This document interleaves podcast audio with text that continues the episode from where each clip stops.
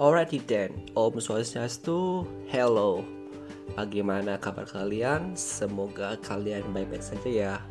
Oke, di sini segmen baru yang berjudul W full stop T full stop F.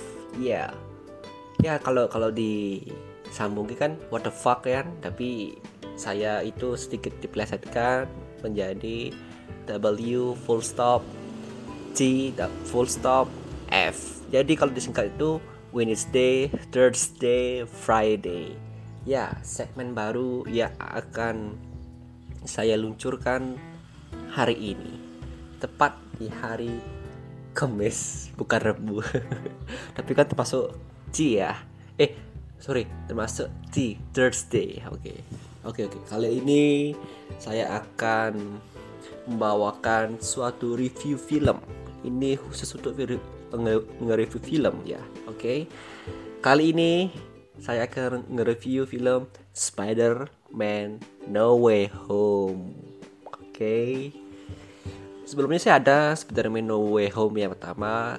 Jadi tolong ditonton dulu biar kalian lebih enak nontonnya biar kalian nyambung lah itunya segmennya. Oke, di sini genre-nya adalah superhero, aktornya kalian sudah tahu ya aktor dan aktrisnya yaitu Tom Holland, Zendaya, Benedict Cumberbatch, Jacob Batalon dan di sini didirektor oleh John Watts.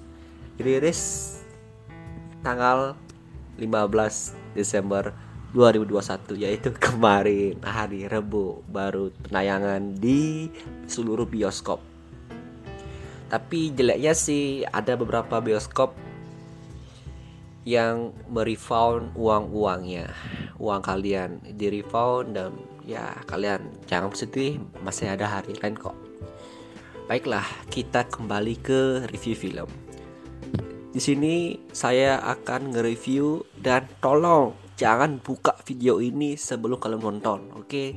warning spoiler alert oke okay? Nah, kamu pasti setuju ya bahwa Spider-Man No Way Home adalah film superhero yang paling dinantikan selama satu tahun belakangan ini. Ya, film ketiga Spider-Man di Marvel Cinematic Universe atau kita tahu MCU. Ini tayang di Amerika Serikat pada 17 Desember 2021 yaitu lagi besok ya, besok ya, besok ya, besok akan ditayangkan di seluruh bioskop Amerika Serikat. Ya, untungnya fortunately Indonesia mendapatkan jadwal yang lebih cepat yaitu tanggal 15 Desember 2021. Bagaimana tidak? Semuanya hype-hype. Ada ya di Instagram, di Facebook, di TikTok paling banyak itu yang paling-paling memberikan spoiler-spoiler. Ada beberapa orang ya me, me apa ya me screenshot atau memot, memotret tiketnya dia yang ingin nonton di tanggal paling awal. Ya. Oke proyek No Way Home ini bahkan berhasil bikin banyak kehebohan sejak 2019 ya mulai dari Spider-Man yang sempat hengkan dari MCU karena masalah kontrak dengan Sony Picture dan Disney hingga penggunaan multiverse di ceritanya ditambah lagi dengan berbagai teori dan rumor yang bikin hype No Way Home semakin menjadi-jadi Oke, okay, Spider-Man No Way Home berlatar waktu tepat setelah kejadian di akhir film Spider-Man Far From Home. Oke, okay?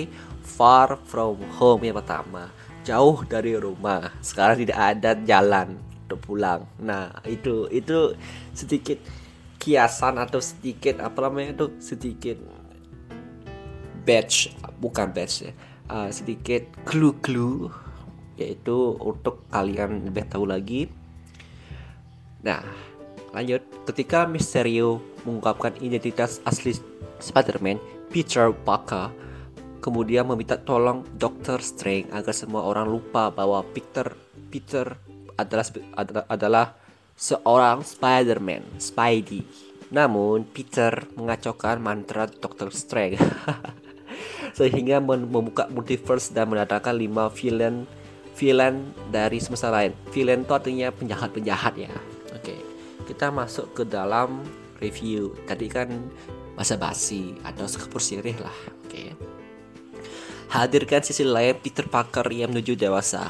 Ini yang yang nomor satu.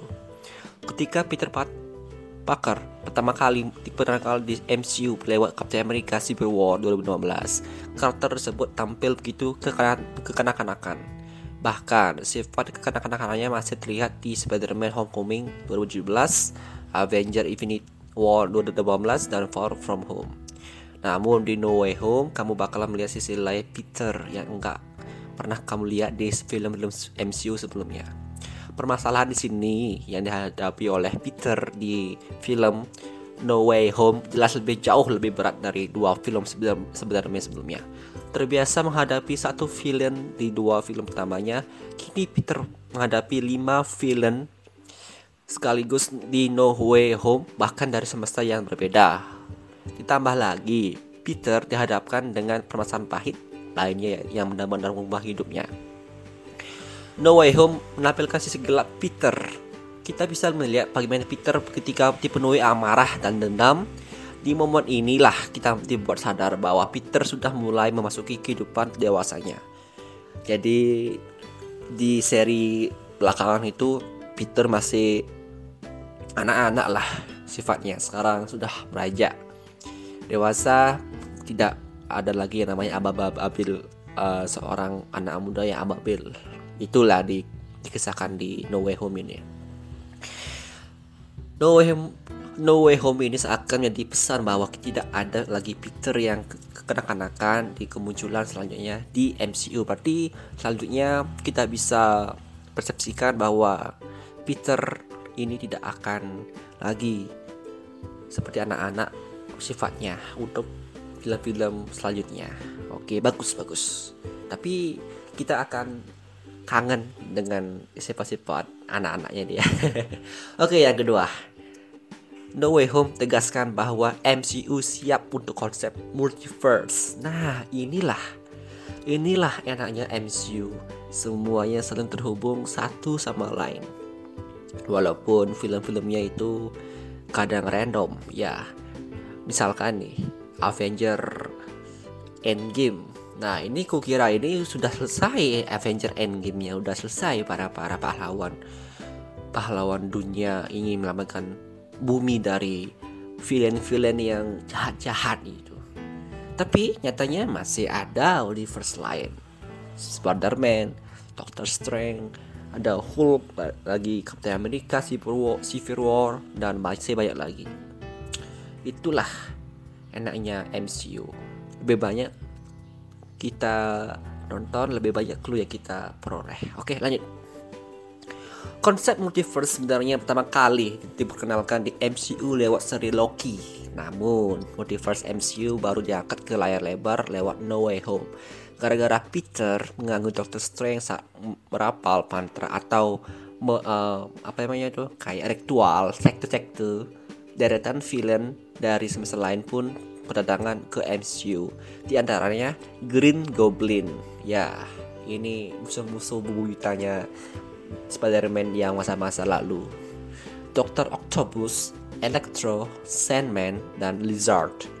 Butuh waktu 13 tahun lagi bagi Marvel Studio untuk bisa mengangkat konsep multiverse ke layar lebar. No Way Home jadi bukti bahwa MCU telah siap untuk menjelajah ke semesta-semesta lainnya.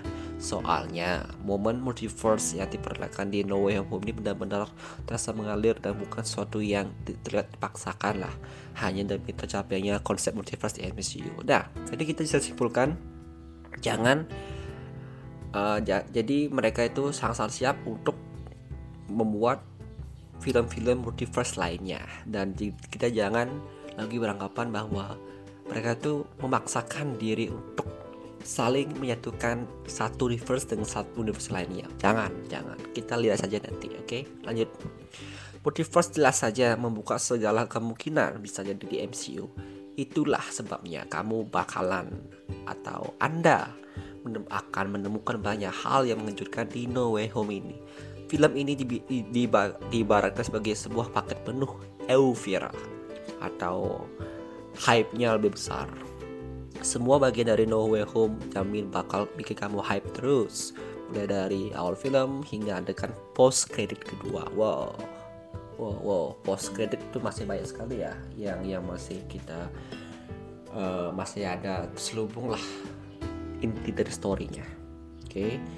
yang ketiga acting Tom Holland dan William Defoe yang paling mencuri perhatian. Nah nah nah nah, nah ayo ayo ayo kalian pasti nggak sabaran ya melihat actingnya seperti yang telah dijelaskan pada poin pertama, No Way Home menampilkan sisi lain Peter yang belum pernah diperlihatkan di film-film MCU sebelumnya. Tom Holland di sini itu sebagai pemeran Spider-Man jelas mendapatkan tantangan baru untuk menampilkan sisi gelapnya Peter di No Way Home. Tanpa diragukan lagi, Holland atau Peter Parker benar-benar membuktikan bahwa dia enggan hanya ahli dalam menampilkan Peter yang kekanak-kanakan dan bisa lebih dari, dari itu buat yang sudah menonton kamu pasti setuju bahwa acting Holland atau Tom Holland di No Way Home adalah yang terbaik dari sepanjang penampilan di MCU. Namun, dari antara semua aktor yang tampil di No Way Home, pemeran Green Goblin yaitu William Dafoe bisa dibilang yang paling menonjol. Setelah 19 tahun berlalu dari penampilan sebagai, sebagai Green Goblin di film pertamanya di Spider-Man 2002, Defoe ternyata sama sekali enggan kehilangan karisma sebagai villain tersebut. Karakter Green Goblin seakan begitu melekat dan hanya milik Defoe saja. Aktor tersebut berhasil tampil begitu mengintimidasi sebagai Green Goblin, sekaligus tampil begitu pola sebagai Norman Osborn. Defoe tampak sama sekali enggan atau tidak kesulitan berganti kepribadian dalam satu film. Oke, okay. yang keempat yaitu penuh dengan pertarungan intens dan epic. Ya, sendiri kita akan disuguhkan beberapa acting-acting dan pertarungannya sangat-sangat epic. Oke, okay, buat yang kamu suka dengan film superhero penuh dengan aksi, dijamin kamu bakal dimanjakan dengan No Way Home.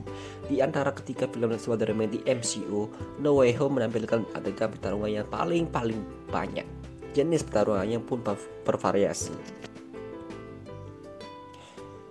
Mulai dari pertarungan jarak jauh atau far uh, combat uh, combatnya itu pertarungan tuh yang uh, jauh ada close combat, ada jarak dekat hingga pertarungan by one atau satu persatu satu lawan satu. Lawan No Way Home kita ayahnya bisa, bisa melihat seorang Peter Parker. Melalui pertarungan yang begitu brutal dan intens. Pertarungan fisik yang dilalui Peter di No Way Home bisa dibilang nggak main-main loh.